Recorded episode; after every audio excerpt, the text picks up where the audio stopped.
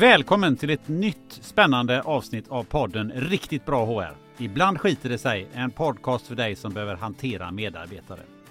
I det här avsnittet så ska du få träffa en herre som har stor erfarenhet av att vända förlustföretag till friska bolag. Du ska få hänga med på en otrolig resa där kärnan kan sammanfattas med köp billigt och renovera. Då kan man undra, hur hanterar man HR-frågor i detta sammanhang? Avskeda folk och sälja dyrt? Eller kanske tvärtom, ge alla en plats? De här frågorna och många fler ska vi diskutera inom den närmaste timmen. Dessutom så har jag en känsla av att du kommer få tips om hur man städar en trappa på bästa sätt. Så välkommen hit Anders Hultmark. Tackar, tackar.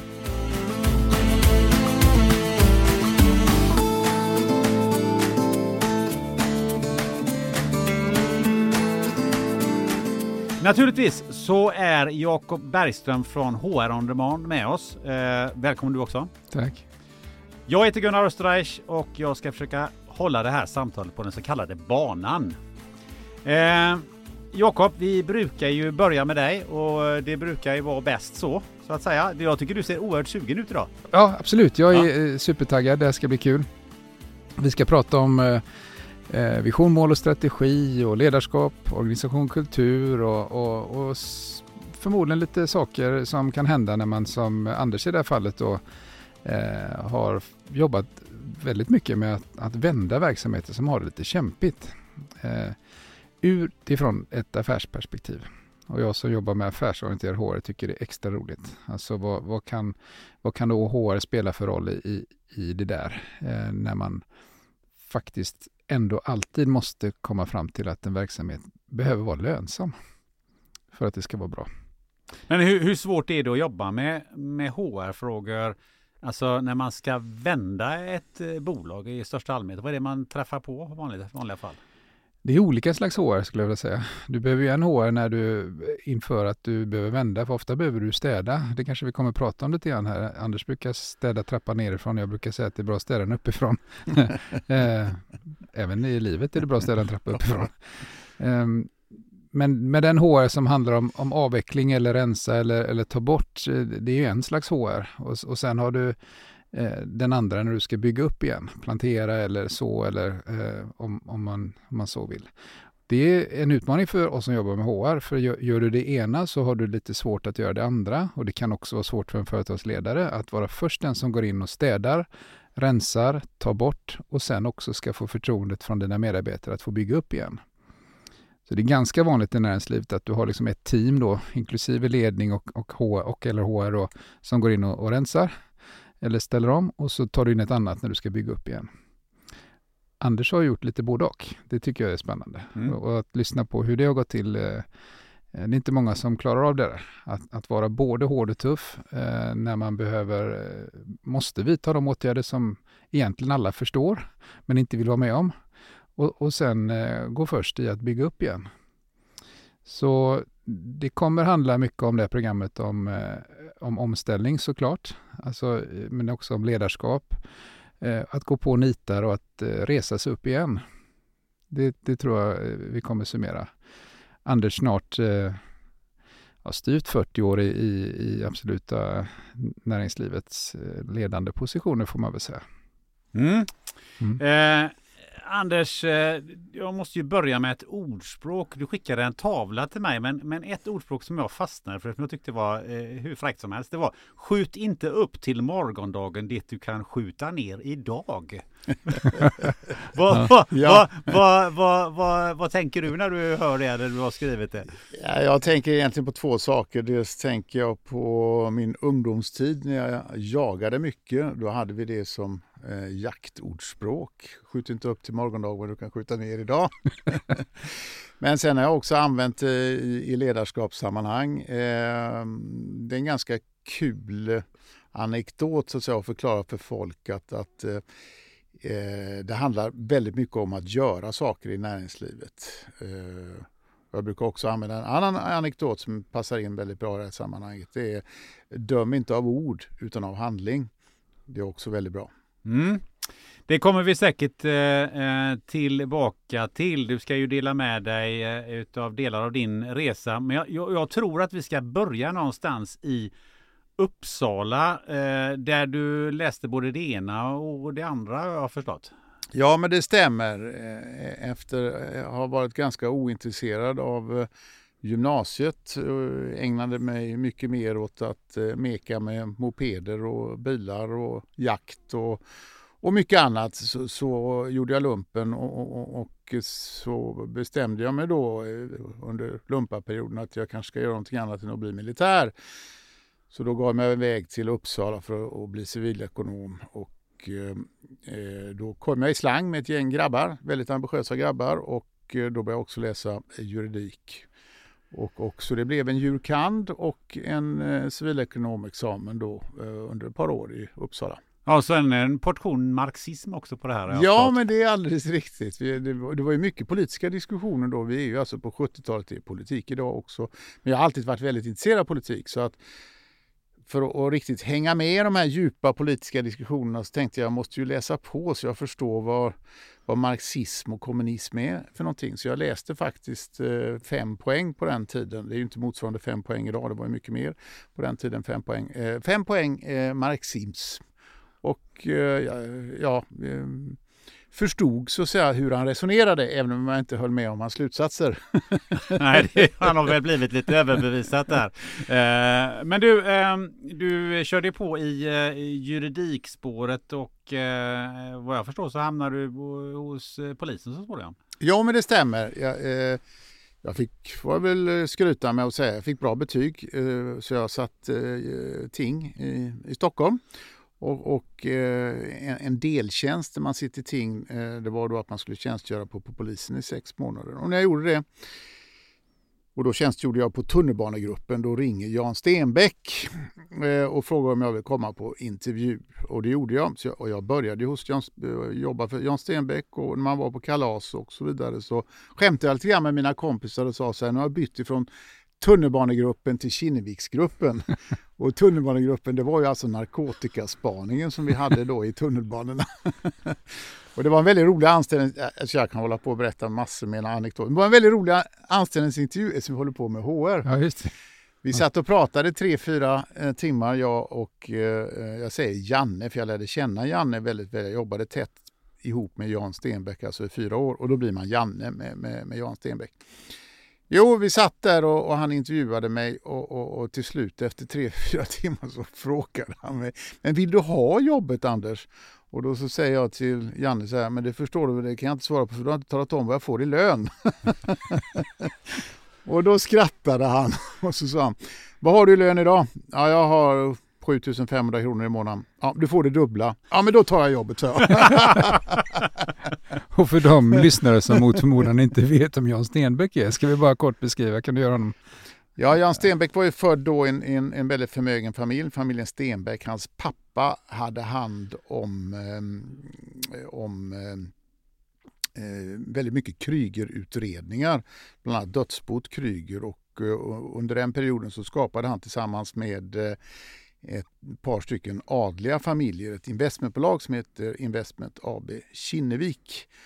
Och det bolaget ärvde då sonen Jan Stenbeck för att göra en lång historia kort. Och eh, när han ärvde det eh, då var han eh, bosatt i USA och gjorde karriär i USA och då flyttade han hem.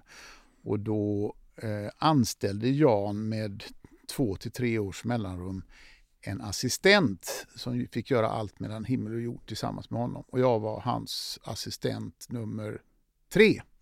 Detta och vi är alltså tillbaka i tiden till 1980. Mm. Vi måste ju dock mm. avsluta eh, kapitlet om Jan Stenbeck med att du eh, var med och arrangerade bol bolagsstämma också med honom. Ja, det stämmer. Det var en av de uppgifter man hade då eh, som, som eh, assistent snedstreck springpojk. Då. Eh, Luma kallades vi förresten. Ja, vilket fall som helst. Jag skulle, 1983 så skulle Jan Stenbeck ta makten över Kinnevik. Och då letade jag efter bostads, inte bostad, utan jag letade efter, eh, efter bolagsstämmelokal. Och jag tror jag visade Jan 20 olika lokaler. Jag fattade absolut ingenting för ingenting var bra. Till slut hittade jag biografen Draken, alltså en traditionell gammal eh, biograf i Stockholm, eh, mörk, eh, dålig belysning. Och då så säger jag, det här blir ju perfekt. Och jag fattade nog fortfarande ingenting, men när vi gick in där så, så spel, och, och, tittade på den här lokalen, då spelade John Travolta in Staying Alive, en väldigt känd film. Och då skrattade jag och sa John Travolta, det är ju jag som ska överleva den här skiten. Och då, då, då upplevde jag det lite grann som en instruktion då att vi kanske ska byta ut John Travolta mot Jan Stenbeck. Eh, och det gjorde jag, så jag pratade med biografvaktmästaren, stack till honom några hundralappar och sa att eh, på onsdag om tre veckor när vi har bolagsstämma här så får du byta ut eh, John Travolta mot Jan Stenbeck. Och det blev faktiskt väldigt lyckat. Jag kunde lika gärna fått sparken, det tänkte jag på först i efterhand. Eh, men eh, Jan, Jan tyckte det här var fantastiskt roligt. Och det blev en stor grej och det är lite industrihistoria idag. Ja, det är bra. Ja. Industrihistoria och när du var trött på att springa eh, ärenden åt Jan Stenbeck, vad gjorde du då? Då, då började jag eh, med, eh, att jobba för en amerikansk familj som heter Mars som, som då eh, jättestora inom livsmedel, Anke Ris, stora inom godis, eh, Snicker, Raider, Bounty, MMM eh, och så vidare. Och också stora inom pet food, Whiskas, Frolic, Pal och så vidare. Det började jag som service, mm. service finance manager. Eh. Hur gick det till där på uh, bolagsstämmor och möten? Ja, det var ju väldigt speciellt. De här, eh, det var två bröder och en syster. De, de tillhörde ju på den tiden då eh, en, en, av de absolut rikaste familjerna i hela världen. Eh, så, så, bland annat så, så, så, ville de skapa distans då, för det var ju väldigt många som var intresserade av att jobba för dem och smöra för dem. Och, och eh, de skapade gärna distans till människor. Så att eh, det finns några roliga exempel på när man till exempel, jag höll ett tal en gång för bröderna John och Forrest Mars. Och eh, det var de två närvarande i rummet och så var det ett par stycken höga direktörer till och så går bröderna ut ur rummet, ut i korridoren och då som någorlunda väluppfostrad svensk så slutar jag ju prata då. Då hör jag ett skrik ifrån korridoren. Eh, Come on talking your fucking Swede, don't you think we're listening? och det här, eh, det här var ett av många, många, många, många exempel på, på, på sätt de hade helt enkelt att, att skapa eh, distans. Ja, och sen gav man folk sparken lite grann ibland när de inte hade koll på läget. Lite lätt amerikanskt eh, som får faktiskt lite spännande effekter, men det stämmer. Det var på ett, ett stort management meeting i Washington i USA. Eh, där den ena direktören efter den andra eh, höll väldigt goda föredrag och förevisade på den kallar man det för overheadbilder. Eh, visade overheadbilder och de overheadbilderna var gjorda av de absolut dyraste konsulterna så de kostade väl ett par tusen dollar styck varje eh, overheadbild och då reser sig en av bröderna upp, jag tror det var Forrest, och, och säger så här nu är det så att jag anställer världens bästa direktörer, ni får världens högsta löner. Och nu vill jag veta vad ni kan. Eh, Fortsätt era föredrag men ni får inte använda några overheadbilder. Ja, den ena direktören började då och det gick jättebra. Den andra började och höll sitt föredrag. Det gick jättebra. Sen kom han som var chef för Anke Benseris. Och han hade inte riktigt koll på eh, saker och ting eller siffror så att då reser sig en av bröderna upp och säger Tack, du kan sluta nu. Eh, passera receptionen, plocka ut din sista lön. Jag vill inte se dig mer. Försvinn. Och det blev alldeles dödstyst naturligtvis så han fick ju packa ihop sina grejer. och lämna rummet och sen när han hade stängt eh, dörren så kom det ju då ifrån någon av bröderna och sa ja, nästa. och, så, och, så, var det upp och tala då och det gick ju bra för de flesta. Eh, men effekten, vad tror ni effekten är av att man gör så? Är man förberedd nästa gång tror ni? Jag tror att alla var rätt förberedda nästa gång. Ja, så är det ju. Mm. Ja, ja. Eh, men eh, varför stannar du inte kvar där då? Jag tog det jobbet egentligen för pengarnas skull. Jag brukar säga lite slarvigt när man sitter och, och skämtar och har druckit ett glas vin att jag har faktiskt också prostituerat mig en gång. Och det gjorde jag. Jag tjänade jättebra med pengar. Eh, och eh, jobbade hårt och, och, och, var inställd på att spara ihop pengar. På den tiden hade vi ju nästan 100% marginalskatt i Sverige så det gick ju inte som tjänsteman mm. att spara ihop pengar. Men eftersom jag hade lön då i olika länder och framförallt i USA så kunde jag spara ihop pengar. Och jag sparade ihop pengar för att kunna starta någonting eget. Men du var oumbärlig där när du jobbade? Ja, det, det tyckte jag nog själv. Men, men, men, men, men jag fick ju ett, härligt svar på som jag haft med mig många gånger som kanske är en av de bästa kommentarer jag har fått. Jag var väl då närmare 35 då när jag jobbade på Mars och tjänade jättebra med pengar och hade bestämt mig för nu ska jag eh, säga upp mig och det var lite gulligt faktiskt. Det var i samband med, med, att mitt andra barn föddes och jag fick då inte ledigt eh, eh, utan att, att bröderna krävde att jag skulle vara i USA. Men så var de hyggliga och sa att du får ta vilket plan du vill. Du får till och med ta Concorden hem. Så fort ditt barn är på väg så, så, så får du åka hem. Men jag tänkte så här, nej, jag vill vara med under förlossningen. Även om man inte kan göra så mycket så vill jag ändå vara med under förlossningen. Så jag ringde en en dag och, och sa upp mig. Uh, och då säger uh, John Mars, ägaren, så här till mig. Well Anders, det finns tusen andra som står i kö för att få ditt jobb. Tack, adjö. Nothing more. och där hade man då slitit i tre, fyra år, nästan ja. till dygnet runt och man tyckte att man var världsbäst och inser plötsligt att man är väldigt ersättlig. Mm. Och det är vi allihopa. Mm. Vi är ersättliga. Mm. Det blir sällan sämre när någon slutar. Det tycker jag är en god ledstjärna. Vad säger du om det Jakob? Ja, intressant. Sällan sämre när någon slutar. Nej. Med det sagt så, så säger man att all förändring är, är bra på något sätt. Ja, man ser till så det blir mm. bra. Det finns ju lite naturliga... Jag vill ju naturligtvis inte att någon av mina medarbetare ska sluta. Men det är, ingen, det är ingen katastrof om någon slutar. Mm. det finns en hel del förklar naturliga förklaringar till detta. Till exempel om du har lite, lite talanger anställda i företaget. Vad händer om någon av de högre eh, positionerna slutar? Och det rasslar till lite grann. Va? Ja. Plötsligt så gör någon av talangerna karriär och reser på sig. Mm. Så att, eh, ja. ja. Jag gillar ju jättemycket, jag tror vi kanske har pratat om det i en annat avsnitt här, men det här med organisation och organism. Jag, jag, jag föredrar numera ordet organism mm. Eh, som, som begrepp för att beskriva mm. även ett företag. Mm. Och eh, om inte organismen dör så, så läker den ju självläker och förvånansvärt ofta livskraftiga som vi är så, så fyller nya celler nya funktioner eller man delar på sig. Och, så det, det ligger väl mycket i det. Men jag tänker mig att du fick en, en tankeställare där som 35-åring då. Absolut, den var jättenyttig och jag använder den ibland mm. när vi sitter i olika personalsituationer och använder det som en anekdot för att mm. Eh, folk ska förstå att eh, Naturligtvis vill man gärna behålla sina anställda men, men samtidigt är det ingen katastrof om någon slutar mm. för det finns så många andra duktiga som är beredda att ta det här jobbet. Eh, ja, för att eh, när du då eh, hade sagt upp det och insåg att du var ersättlig så hade du i alla fall en, en eh, påse pengar. Ja. Eh, och det finns ju en företagsledare som har sagt att vad fan får jag för pengarna? Eh, och du undrar vad fan gjorde du av pengarna? Ja, nej jag satsade, jag köpte ett konkursbo och Ehm, och det var ganska naturligt också. Eh, visst kunde man starta någonting från början men jag ville nog försöka hitta något som snabbt kunde bli lite stort. Eh, och då var det ganska naturligt att man, man, man köpte ett, ett, ett, bolag som inte fungerade och, eh, och eh, och, och, priset på bolag som inte fungerar är ju oftast lågt och kan man renovera dem så, så blir priset högt. Och det var väl ganska exakt det jag gjorde. Eh, och det bolaget hette Technoterm. Det var fantastiskt rolig resa. Jag träffar fortfarande på anställda under den eh, perioden och, och, många intygar att det var nog den en av de roligaste perioderna, om inte den roligaste i, i livet.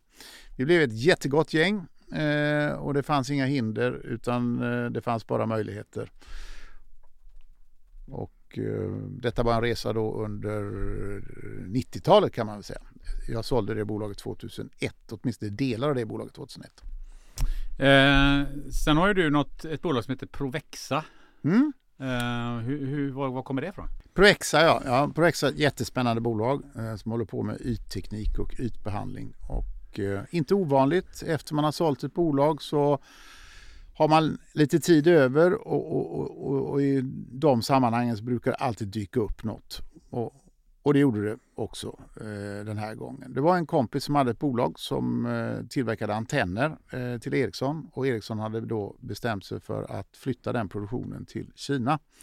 Så jag åkte dit och tittade på bolaget, kom tillbaka till honom och sa att det mest förnuftiga att göra det är att lägga ner det. Men om du är lite entreprenöriellt lagd så går det faktiskt att utveckla antenndelen så att det blir så att säga ett duktigt antennbolag. Och sen är ni ganska duktiga på att måla antennerna så kan ni utveckla en, en ytbehandlingssida och bli duktiga på ytbehandling. Och då sa han till mig lite kort och gott här, men det här låter väl bra, kan inte du ta och göra det här åt mig? ja, och så blev jag engagerad då som, som delägare i eh, Provexa och, och då köpte vi av en engelsk koncern ett, en stor ytbehandlingsenhet i Göteborg som gick med brakförlust. Eh, och de ytbehandlade också väldigt mycket åt Ericsson och de hade också fått besked om att väldigt mycket skulle flytta till Kina. Men vi köpte det och då är vi i år 2004 och, och lyckades faktiskt vända på det. Så redan 2005 så, så började vi eh, så smått tjäna lite pengar. Men, men då hade vi otur för då, då råkade vi ut för en jättebrand. Eh, och och eh, så man kan säga hela produktionsanläggningen på över 10 000, 15 000 kvadratmeter brann upp. Det var på tv så det var en jättestor brand i vilket fall som helst. Då ville de andra aktieägarna hoppa av medan de anställda väldigt gärna ville att vi skulle bygga upp verksamheten igen och inte minst eh, de ledande befattningshavarna var, eh, var på mig och ville att jag skulle bygga upp verksamheten. Så då beslutade jag mig för att då gör jag det. Så istället för att sälja bolaget eller lägga ner det så, så tog jag försäkringspengarna, satsade tillbaka de pengarna i bolaget och byggde upp det eh, från grunden igen. Och idag är det då det klart tekniskt ledande bolaget i, i Skandinavien när det gäller ytteknik, alltså funktioner på ytan. Och sen har vi en ytbehandlingsdel som ytbehandlar andra företagsprodukter, allt ifrån metaller till eh, plaster. Vi har verksamhet i Göteborg, i Gamlestan och verksamhet i Anderstorp. Jag tänker på det här, du sa ordet konkurs, alltihopa brann ner och en del andra grejer då. Men eh, gav du liksom aldrig upp någon gång? Nej, det är väl eh, en av de eh, egenskaper man ska ha som entreprenör. Jag säger inte att det enbart är positivt, men, men man måste ha en järnvilja.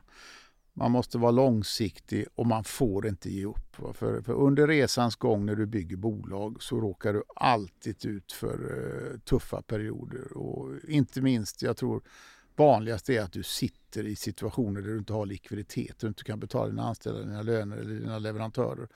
Och då får du sitta och vända faktura som är som ägare som vd och säga att den här fakturan den kan vi inte betala, den lägger vi den högen. Den här fakturan den måste vi betala för han är så jäkla eller hon är så jäkla tuff så att jag orkar inte med vederbörande så den betalar vi. Så de situationerna sitter man ju i eh, som entreprenör. Eh, så att man måste ha en förmåga att kunna sova på natten även när man har stora bekymmer. Man måste ha en förmåga att kunna ta hand om familj och vänner även när man sitter med stora, stora bekymmer. Fråga mig inte hur, hur den förmågan går till att få utan jag tror att vissa är begåvade med den möjligheten. Vissa är inte begåvade med den möjligheten. Mm. Man kan också uttrycka sig så här, man kanske får vara lite, lite på gränsen till hjärnskadad att bara se, att bara se möjligheter och inte se hinder. Just det. Mm. kan hjälpa till om man är entreprenör.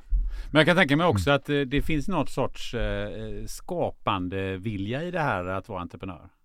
Ja, absolut. Om, om du har mat för dagen och, och, och kan tillfredsställa merparten av, av dina basala behov, då tror jag entreprenörskap väldigt mycket handlar om att skapa.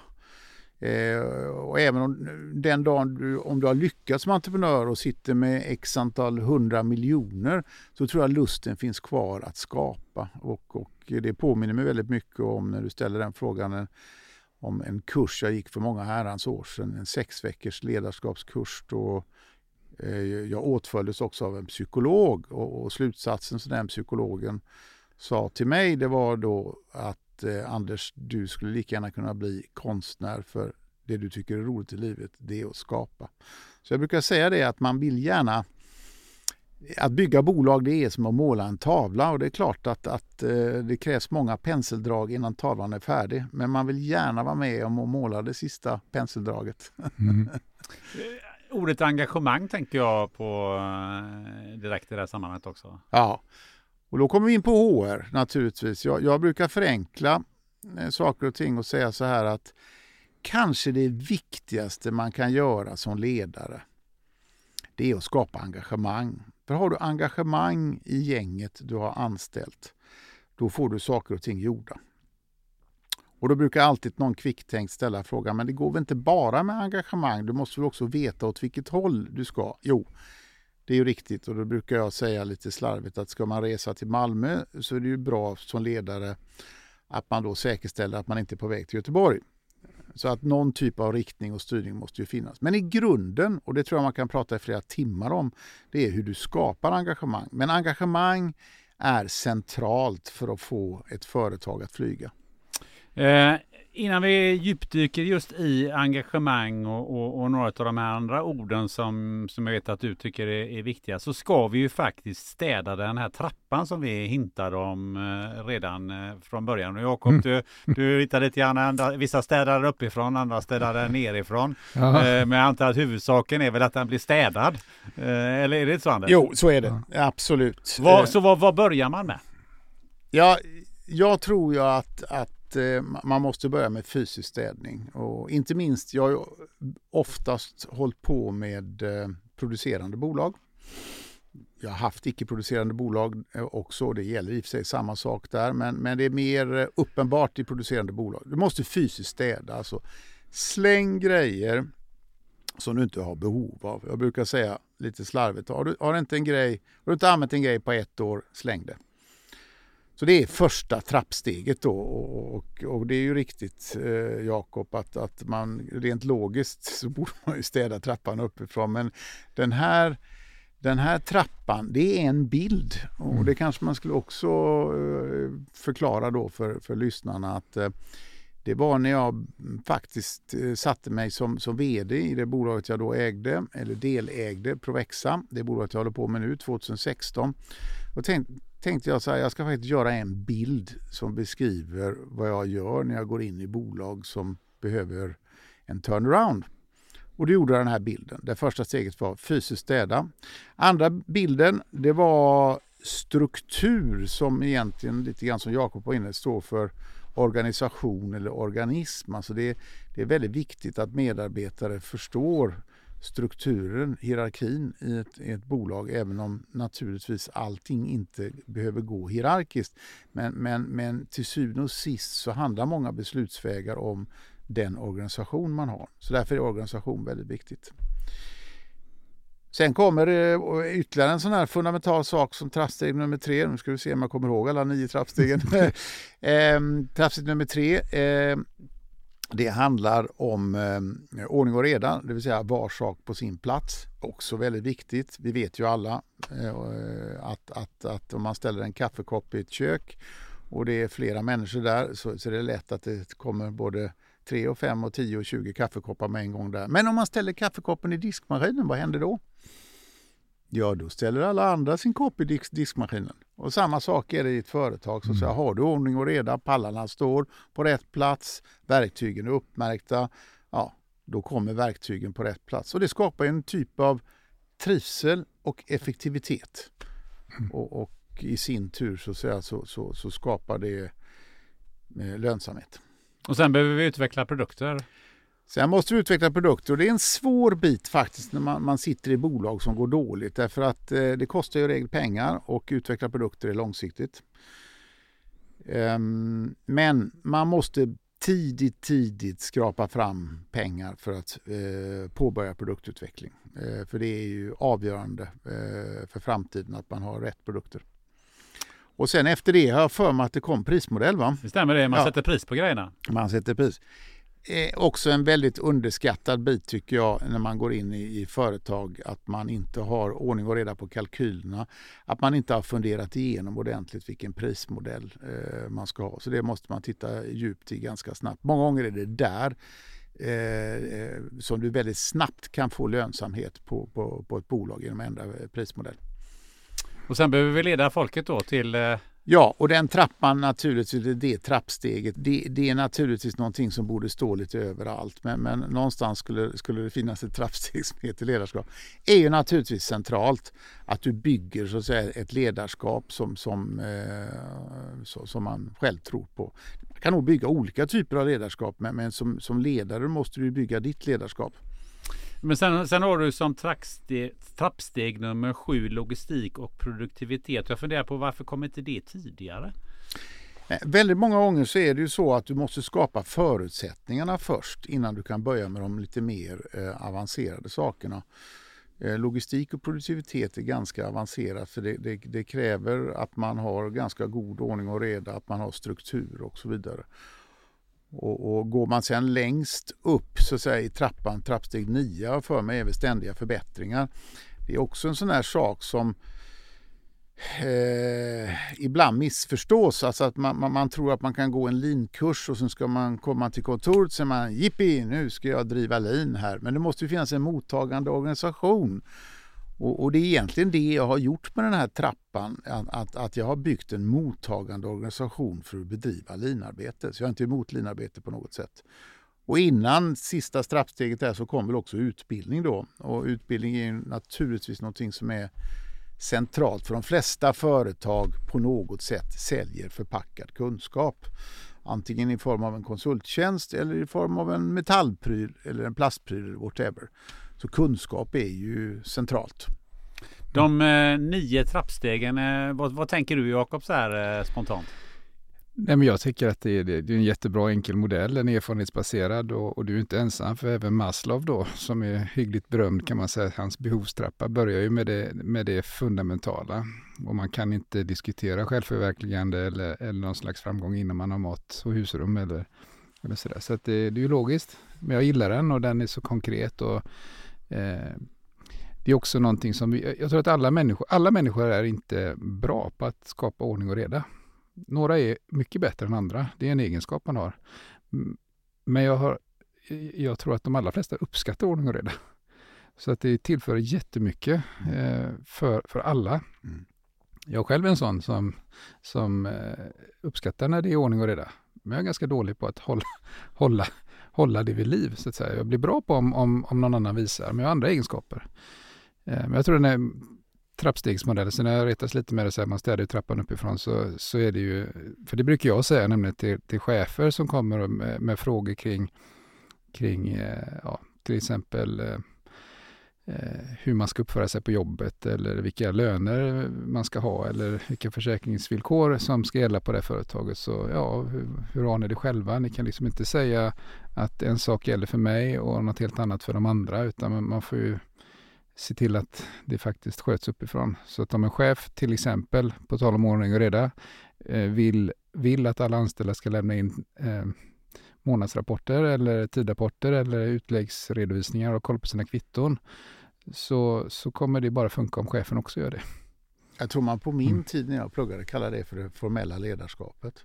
Mm. Och, och det, är, det är ju väldigt centralt. Alltså, jag brukar säga det är en av de svåraste och en av de tråkigaste bitarna. Att vara ledare och VD.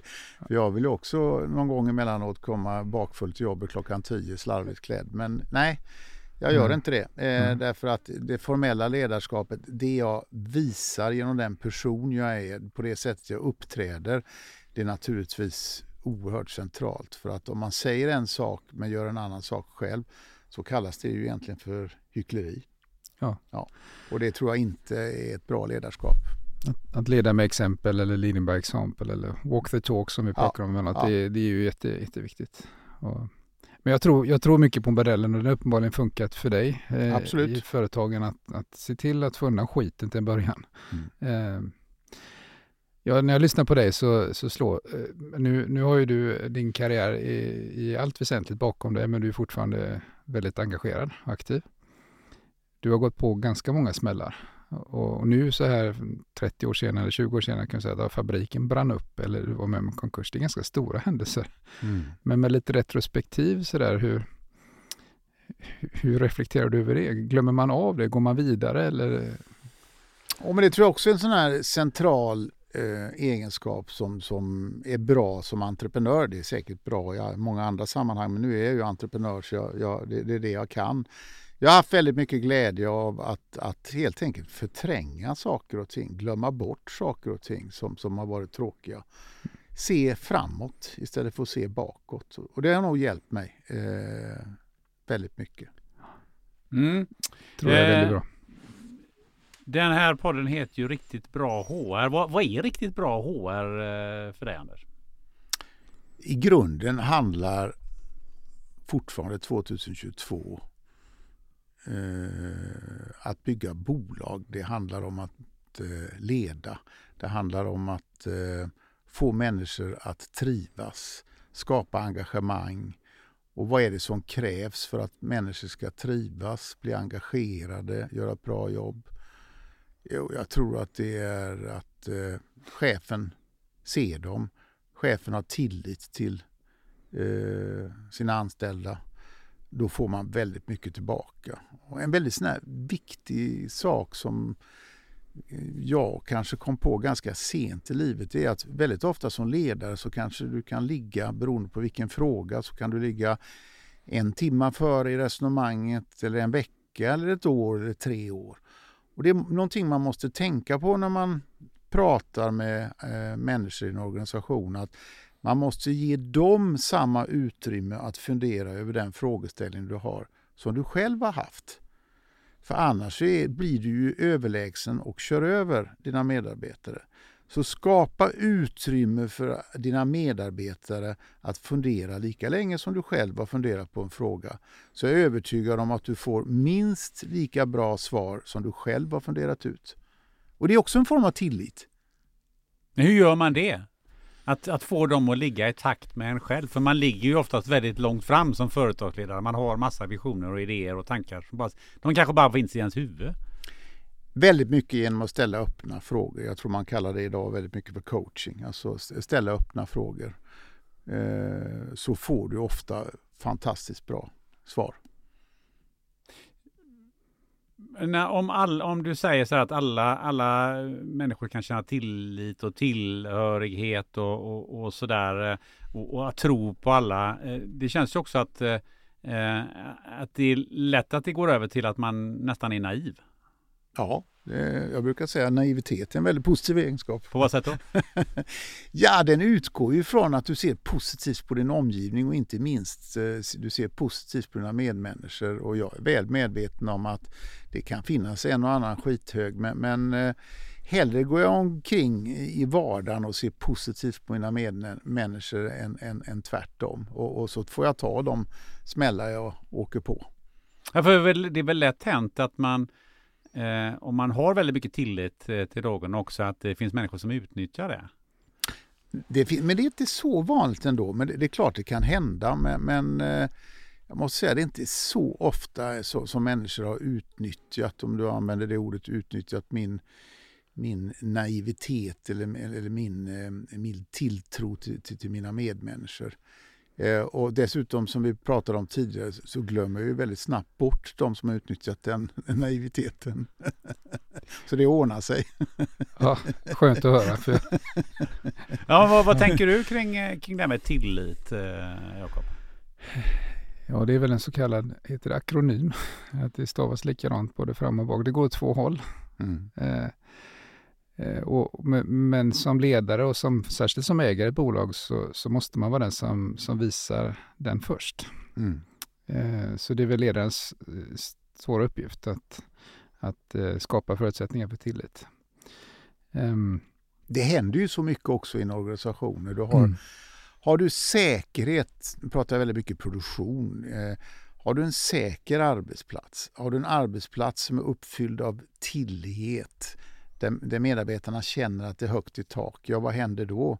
Jo, då Mm. vågar ju naturligtvis folk ta initiativ. Och vad innebär initiativ? Jo, det innebär att de som gör jobbet, de använder sin kunskap och de förmedlar den kunskapen i form av förbättringar.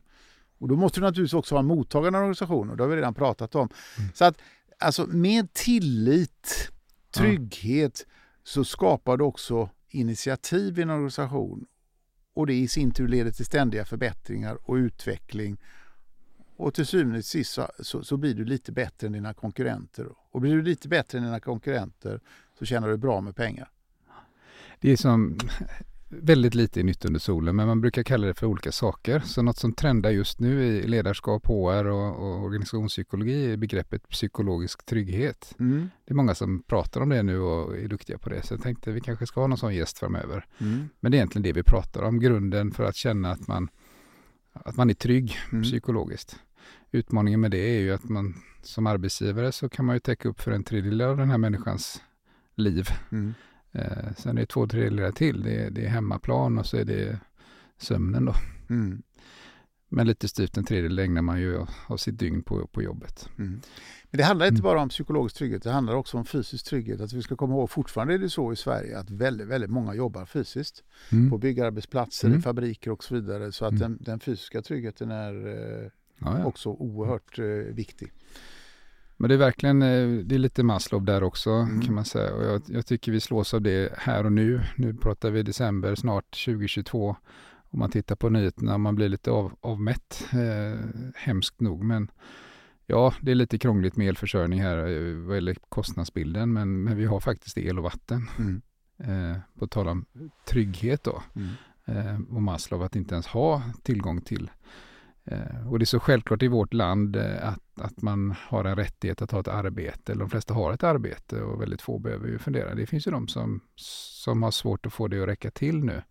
Men eh, jag tror det är jätteviktigt att, att ha ett jobb att gå till, att, att, känna igen sig och att kunna ta sig dit säkert utan att vara rädd för sitt eget liv och, och att befinna sig på en arbetsplats. Du bedriver ju, din verksamhet idag innehåller ju inte så lite det vi kallar för farliga ämnen. Eh, är på HR-språk då. Så den, fysiska arbetsmiljön är ju hyggligt reglerad. Eh, tänker jag, till skillnad från många andra Absolut, platser. visst är det så. Jag vill ändå ja. också komma tillbaka till, du säger vi som arbetsgivare så råder vi över en tredjedel av en arbetstagares tid. Till syvende och sist, och det kan låta lite hårt, men, men, men, men vi betalar, som arbetsgivare betalar vi lön och den lönen betalar vi för att vi ska få en utförd prestation. Mm. Alltså så du måste inte, men det kan vara av godo att du engagerar dig i en medarbetare som mår bra på jobbet men som inte mår bra hemma. Mm. Så att vara ledare kan vara mycket större än att bara så att säga, hantera en, en, en människa, en anställd människas situation på jobbet. Det kan också innebära att du måste hantera en människas situation eh, i hemmet, att vederbörande har problem hemma, att du måste skapa förståelse för det. Och ett tips där Eh, det är, eh, och jag har inte alltid själv, framförallt inte när jag var yngre, så ledde jag inte efter eh, det. För det här, då ville jag göra så oerhört mycket. Jag var i mm, stort behov av att prestera och kanske också stort behov av att visa omgivningen att jag kunde prestera. Men alltså som ledare när du har mycket personal så måste du ha utrymme i din almanacka. För det dyker alltid upp människor i din omgivning som har problem. Om de känner att nej, min chef han har så mycket att göra så det är ingen idé att gå till honom. Nej, då skapar du inte så att säga, det goda ledarskapet. Det goda ledarskapet är att du som ledare alltid har tid att ta emot en medarbetare som vill prata med dig. Och då måste du också ha förmågan att inte sitta och jobba med datorskärmen samtidigt som du har en medarbetare som du pratar med som mår dåligt. Det är inte heller gott ledarskap utan du måste lägga ifrån dig. Du måste abdikera alla dina andra arbetsuppgifter och ägna dig åt den här personen. Då får du effekt. Så tillgänglighet säger du är viktigt? Mycket viktigt. En annan sak som jag känner det här eh, senaste minuternas samtal, det är ju ordet prestige. Eh, alltså det går ju inte att ha en speciellt hög prestige om du samtidigt bjuder in dina medarbetare till att skapa förbättringar till exempel. Eller att du eh, eh lägger från dig datorn eller så. Vad, vad, vad har du att säga om ordet prestige? det ligger mycket i det. Jag brukar använda ett, ett lite slitet amerikanskt uttryck. Eh, konsten är att eh, känna sig fucking good enough i livet. eh, då, då, och det har jag, jag har även försökt när det gäller barnuppfostran att jag är nöjd om mina barn känner sig tillräckliga. För då infinner sig någon typ av harmoni. Man har också möjlighet att sänka ner armbågarna och och eh, se andra människor. Så det är en ledstjärna för mig. Be fucking good enough. Är prestige också eh, i många sammanhang någonting som hindrar eh, utveckling kan jag tänka mig? Självklart. En prestige i grunden tror jag om man ska gå lite filosofiskt. Jag har inte läst någon bok om det men det handlar ju om människor med dåligt självförtroende. De har ju naturligtvis ett prestigebehov. Men människor med gott självförtroende har ju inget behov av prestige egentligen. De är tillräckligt bra ändå. Ja. Så enkelt skulle jag säga det. jag sitter, sitter med en tanke så här för att eh, ibland när jag eh, hjälper eller när vi ska hjälpa chefer att anställa personer så brukar man sitta ner med en kravprofil och så säger man så här, vad vill ni ha för något? Och så får man fantomen där. Det är ganska lätt att uttrycka vad man vill ha eller hur det borde vara. Men det kanske är lite, det är lite svårare men ofta bättre att säga vad vill du inte ha? Mm. Eh, så om du skulle kunna dela med dig till de lyssnare här som jobbar med HR. Mm. Uh, utifrån ditt perspektiv som entreprenör och företagare, vad är, vad är inte riktigt bra HR? Vad ska HR inte ägna sig åt i din organisation? Mm. Kan du ge något exempel på det? Ja, man får nästan lite grann börja från början då. Alltså att bygga bolag handlar väldigt mycket om att anställa människor. En entreprenör, duktig entreprenör har alltid antennen ute för att anställa folk. Och därför så måste du skapa en attraktion i organisationen. Att, att uh, du ska attrahera talanger till din organisation. Och då kan man diskutera hur skapar du attraktion. Ja, det är genom gott uh, ledarskap. Uh, det finns ett amerikanskt slitet uttryck men jag tycker det är väldigt bra och, och nu kommer jag närmare svaret på din fråga. Det är mm. We don't hire people, we hire attitudes. Mm. Eh, och jag vill nog säga generellt att, att eh, det här är en generalisering naturligtvis. En attityd i en människa är väldigt svår att ändra på. Men kunskap kan du alltid tillföra. Så i valet av eh, låg kunskap eh, eller dålig attityd så väljer jag alltid bort dålig attityd och hellre tar en människa med bra attityd mm. men där jag vet att här måste jag fylla på med kunskap.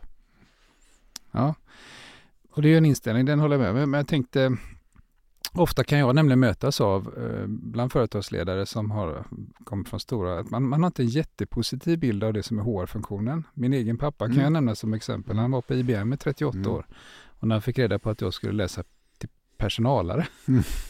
så, så, så tittade han på mig, men HR, de vill man ju inte prata med. För, för på IBM på den tiden var det så att hamnade du hos HR, då hade du gjort något dumt. Mm. Det var en kontrollfunktion, det var ganska tråkigt, det var administrativt och, och sådär. Så, så man, man, jobbar lite i motvind som HR faktiskt, för, för synen på HR är inte alltid positiv. Eh, det går ju att undvika genom att göra bra grejer med HR, som till exempel att hjälpa chefer att skapa attraktionskraft eller att hjälpa chefer att sköta HR-jobbet själva på ett bra sätt. Men där tror jag du har väldigt mycket av svaret på frågan. Jag ser HR som oerhört positivt. Men det handlar ju om att hjälpa chefer att förstå att HR är viktigt. HR får ju inte ta ifrån ledarnas ansvar för personal. Och det är det som jag tror är det centrala. Alltså när det har gått så långt i en organisation att, att om en ledare anställer en person och den personen blir fel och den ledaren säger så här, ja men jag hade ju HR innan, inne och de sa att killen var okej. Okay. Mm. Då, ha, ha, då har HR betett sig fel och den här ledaren har inte förstått vad HR är till för. Mm. Så att stötta en ledare till exempel i rekrytering men att aldrig ta ifrån ledarnas slutliga ansvar. Det är faktiskt ledarna som är ansvariga för att rekrytera folk. Jag brukar säga så här att om du inte är intresserad av personal, om du inte är beredd att sätta tillräckligt mycket tid för att ta hand om din personal, då ska du inte bli ledare, du ska bli någonting annat. Specialist för, för ledarskap handlar ju om personal och personalfrågor, så du måste ju liksom tycka att det är intressant och du måste prioritera det. Då blir du en god ledare. Så HR kompletterar eh, ledarskapet. Eh, och, så, så, att eh, det är frågan om, om bara så att säga, hur, hur man organiserar HR i ett bolag. Mm. Om du ser det som en stöttande funktion till ledarna så är det perfekt. Det är ganska mycket arbete i alla yrkesroller som är tråkigt. Vi pratade i något tidigare avsnitt här om, om, att när man blir VD så får man göra allt utom, utom det man en gång började göra för att det var roligt. HR har vi till exempel ganska många tunga saker. Det finns ju lagkrav, det finns eh, arbetsmiljöregler, det finns eh, systematiskt arbetsmiljöarbete. Jag säger inte att det är tråkigt nu för det är de som tycker det är roligt, men det är saker som måste göras. Eh, och så kan uppfattas som kontrollerande och eh, lite störande, inte minst för entreprenörer. Ehm, ja, ehm, det, det, är en, det, är en, det är en utmaning, balansgång. Jag tror själv då att nyckeln från HR är att verkligen förstå två saker. Eh, företaget du jobbar för, vad tjänar de pengar på? Hur ser affärsmodellen ut? Var kommer våra intäkter ifrån? Och det, det gäller ju egentligen kommersiella verksamheter då. Och det andra som är nog så viktigt, för det behöver ju chefen ha koll på. Vad kostar det att anställa någon? Mm. Så kunna räkna lite. Mm. Eh, och sen är vi inne på det som är det absolut vanligaste att man tar kontakt med, med HR oavsett om man har stab eller, eller som oss på konsultbasis, att man sitter i skiten. Mm. Eh, och då är det juridiken i botten mm.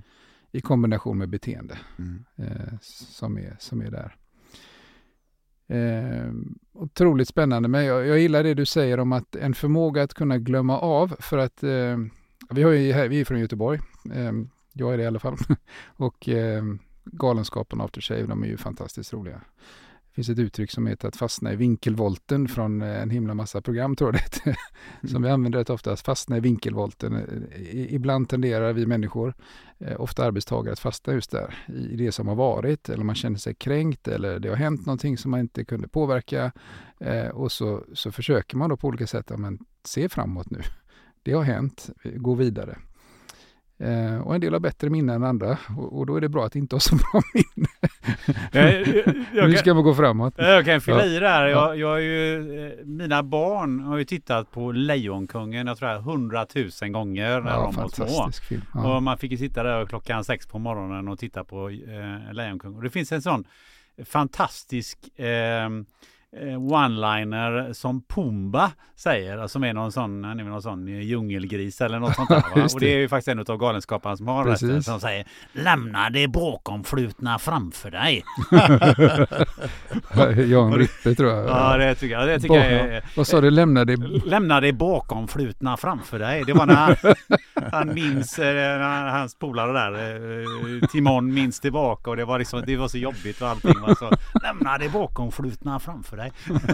eh, en annan sak eh, är ju eh, en sak man pratar om tillit, tillhörighet och så vidare.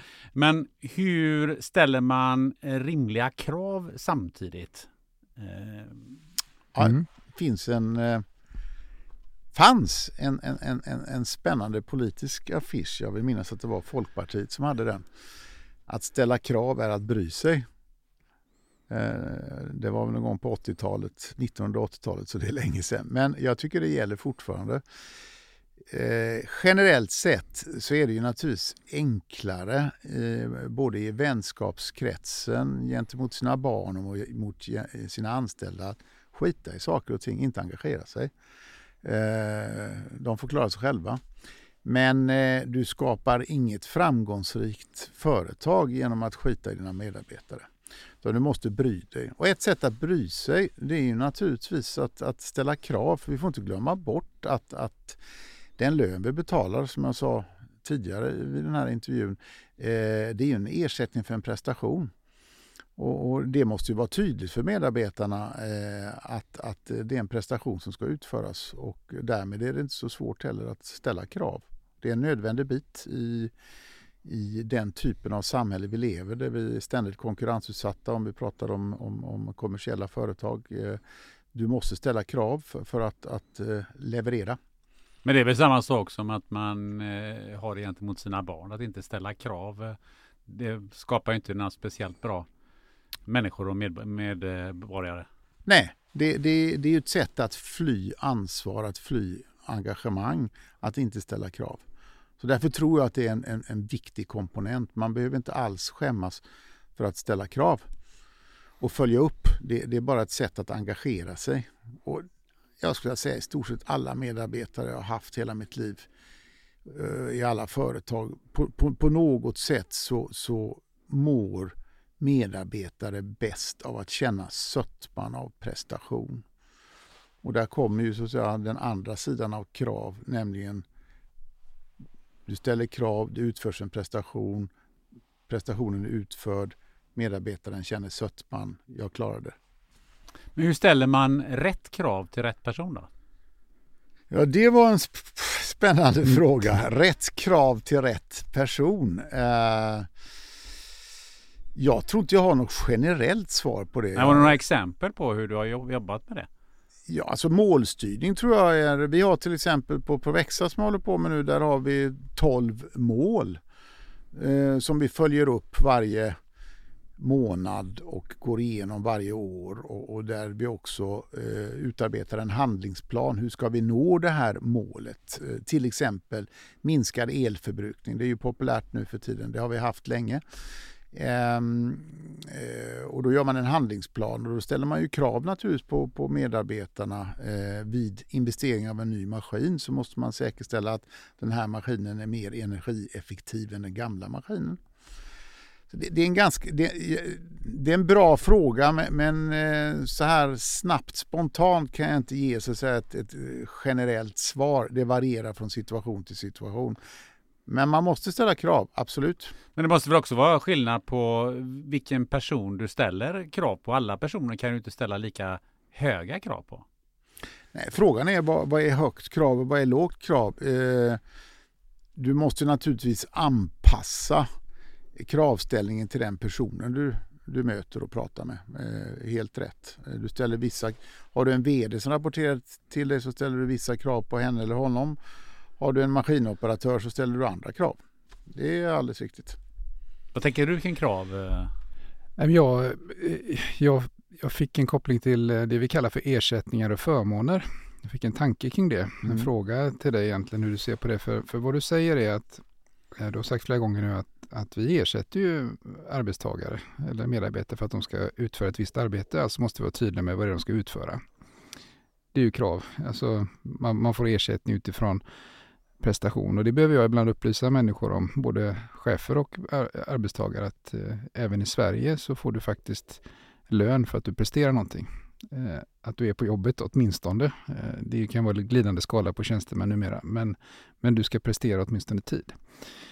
En, en avart, nu är jag lite personlig här, som jag, jag, jag tycker att det blir lite eh, det händer ju rätt ofta att man får frågor om att lägga upp bonusprogram för människor. Och så säger de att om vi sätter upp ett mål som säger att om du når det målet så får du en bonus. Eh, och, och, i den världen jag kommer från, som jag brukar rekommendera, är att men vänta lite, du ska sätta målen utifrån det man ska göra på jobbet och, och slår du, gör du mer än målet, då får du en bonus. Annars har du någon slags rörlig lönemodell. Så, så har jag tänkt alltid. Jag vet inte om jag har rätt, men när jag, när jag resonerar kring det så brukar jag, ja just det ja. Men det är så vanligt att man får bonus för att man, en, för att man gör sitt jobb. Och den blir ju tokig. Hur, hur, ser du på, du kanske har samma, men hur ser du på detta med bonus? Jobbar du med det eller vad, vad är det? Jag har en filosofisk syn på ja. prestationslön och eh, bonus. Eh, om man är en dålig ledare brukar jag rekommendera, men, men kör ett ackordsystem eller ett bonussystem så kan du skippa ledarskapet. Ja. Nej, alltså duktiga ledare behöver ingen bonussystem. Duktiga ledare behöver inget ackordsystem. Eh, vill jag hävda. Men, då, eh, mm. så att, att, eh, Men är det rättvist då? För om du har nej. någon som eh, presterar väldigt, väldigt bra, mycket bättre än vad du förväntar dig, ja. vad, vad, gör du då? Då kan du i och för sig ha ett ersättningssystem som, som arbetsgivaren förfogar över som ger någonting extra. Dels kan du ju höja lönen mm. naturligtvis till en medarbetare som presterar bra. Men du kan också ha ett ersättningssystem som, som, som inte är kollektivavtalsbundet utan som ligger utöver kollektivavtal och löner. Som, som ger, ett, ger en, en extra ersättning till de som är duktiga. Och det har vi på, på, på, på till exempel på Provexa. Vi kallar det för RIK. Mm. Resultat är lika med insats gånger kompetens. Och det är också en, eh, en sån här sak som efter många, många års erfarenhet man sitter och funderar. Liksom, om man ska göra ett, ett ersättningssystem utöver lön eh, som ersätter rätt personer och samtidigt ska vara kulturpåverkande, vad gör man då? Ja, då har vi kommit fram till att Eh, Eh, insats, det vill säga engagemang, närvaro är väldigt viktigt. Och då får medarbetarna tio frågor om insats. Man kan få tio poäng då om man får en poäng per fråga. Om man har alla, svarar rätt på alla de frågorna eller beter sig rätt efter de frågorna. Och så kan man få motsvarande 10 poäng på kunskap och så multiplicerar man det, då får man 10 gånger 10, 100 poäng. Och så delar vi ut då per månad eh, om det är runt 25 kronor per poäng. Så att, att har man då 100 poäng får man 2500 i, i, i lön utöver avtalad lön som, som en eh, effekt av att man är en, en, en, en medarbetare som både har hög insats och hög kunskap. Är det självskattning eller gör ni någon 360 på det? Eller vem är det som sätter poängen? Det, det är ledaren som sätter poängen och, mm. och, varje medarbetare har rätt att, att gå till sin ledare och säga att nu vill jag ha en, en, en ny rikanalys. Mm. För det, de här rikpoängen kan ju både gå upp och gå ner. Sen har vi i och för sig en spärr att, att vi betalar bara ut rikersättning de månader vi tjänar 10% eller mer på mm. sista raden. Mm. Så det är en slags bonus extra ersättning ifall det går bra. Precis. Som är kopplat till att till något tydligt mål. Det är väl egentligen det jag pratar om. Ja. Det är så himla vanligt faktiskt. Eh, särskilt i större organisationer att medarbetare räknar med 13 bonus på mm. årsbasis. Så man förstår inte varför. Nej. Eh, utan, ja, så har jag bonus också, säger de i löneförhandling. Ja, när får du den då? Ja, så jättelång förklaring till varför man förmodligen får den. Mm. Eh, men att vara konkret och tydlig. Jag, jag hör dig säga det ganska mycket i, i ditt samtal. Att vara tydlig, att vara närvarande, att vara, ställa krav. Mm. Att, eh, att ställa krav är att bry sig. Mm. Eh, och jag, det brukar jag säga som pappa till mina döttrar, så att när de tycker jag är jobbig, att de, jag är jobbig för att jag bryr mig. Ja. Och hade jag inte liksom varit jobbig så är det för att jag inte bryr mig om du är en skitunge. Men Nej. det gör jag. Jag vill inte att du ska, nu är de inte det. Men eh, det är ju så att om man bryr sig om dem, de, de ställer man lite mer krav på. Då skulle jag vilja ha från dig Anders några viktiga eh, budskap som, som du skulle vilja skicka med till, eh, till lyssnarna utifrån det vi har pratat om här och, och dina, dina erfarenheter eh, i, i ledarskap och, eh, och HR. Har du några sådana där koncisa grejer som du känner att det här vill jag absolut eh, skicka med? Ja, det, jag kan väl säga så här. Jag, har ju, eh, jag är 68 år eh, och, och eh, har ju pluggat och jobbat under olika industriella epoker. Eh, mekaniseringen till exempel. Alla pratade om att, att nu kommer alla bli arbetslösa. Sen kom automatiseringen. Alla pratade om att nu kommer alla bli arbetslösa och då är vi väl inne på slutet 90-tal och sen kom digitaliseringen under eh, 2000-talet och, och, då pratade alla om att vad ska vi göra, alla blir arbetslösa. Och nu är vi snart inne i 2023 och det är fortfarande så att det är människor som bygger företag. Och det tycker jag man ska ha med sig. Det är väl det rådet alldeles oavsett om man är entreprenör och leder en verksamhet eller om man eller om man är tjänsteman och, och, och, leder verksamhet. Det är alltid människorna i en organisation som bygger företaget och i slutändan står för avgörandet om det blir framgångsrikt eller inte framgångsrikt. Tänk på det. Det är lite Marx där tänker jag på att allt kapital härstammar från, från arbete. Det stämmer. Det, det, det, det är den enda, vad jag kan veta och komma på, den enda politiska sanningen som både kommunister, marxister, liberaler och kapitalister och konservativa är överens om. Det är att allt kapital härstammar från arbete. Grymt. Vad tänker du eh, Jakob? Som avslutning? Jag tycker det var en jättebra avrundning. Jag tar med mig mycket från den här, eh, det här samtalet. Eh, och ett, att det är ganska bra att glömma svårigheter som har varit för att försöka se framåt. Och, och en modern kompetens tror jag för ledarskap framöver, det är att, eh, lite grann som Anders var inne på, att se människan. För vi kommer behöva, behöva människor i de nya organismerna, organisationerna som, som behövs. Men just att eh, glömma och gå vidare, eh, ha ett positivt förhållningssätt, att eh, försöka skapa tillit eller leva med tillit. Det är saker jag tar med mig från Anders, Anders eh, delade erfarenheter här idag. Mm. Mm. Och jag tänker på det här med eh, ger du tillit så får du tillit tillbaka. Mm. Eh, det tror jag, i alla fall jag känner att det är någonting mm. som, som jag kan ta till mig, även om jag tänker så ibland så är det ändå så att jag tappar bort det på Ja, vägen. vi hade ju faktiskt ett avsnitt i podden som hette Lagen om sådd och skörd. Som ju, där Jonas Voxberg var med och eh, både för honom och mig betyder det något annat än, än, eh, räntabilitet på pensionspengar som det egentligen handlar om då. Men, men det ligger så mycket i det där i, i alla religioner och, och, och eh, samhällen tror jag, eller mänskligheten. Att, att det finns någonting fint i, i att dela med sig av kunskap, att lära ut till andra, att dela med sig av det man kan så att andra kan göra det ännu bättre nästa gång eller hjälpas åt. Absolut. Eh, Anders Hultmark, Jakob Bergström, ett stort, stort tack för eh, det här oerhört eh, intressanta samtalet som eh, jag hoppas att du som har lyssnat också känner att du har fått några små byggstenar till dig. Så ett stort tack för att du har lyssnat på Riktigt Bra HR. Ibland skiter det sig, en podcast för dig som behöver hantera medarbetare. Tack och hej för den här gången. Tack. Tack själv.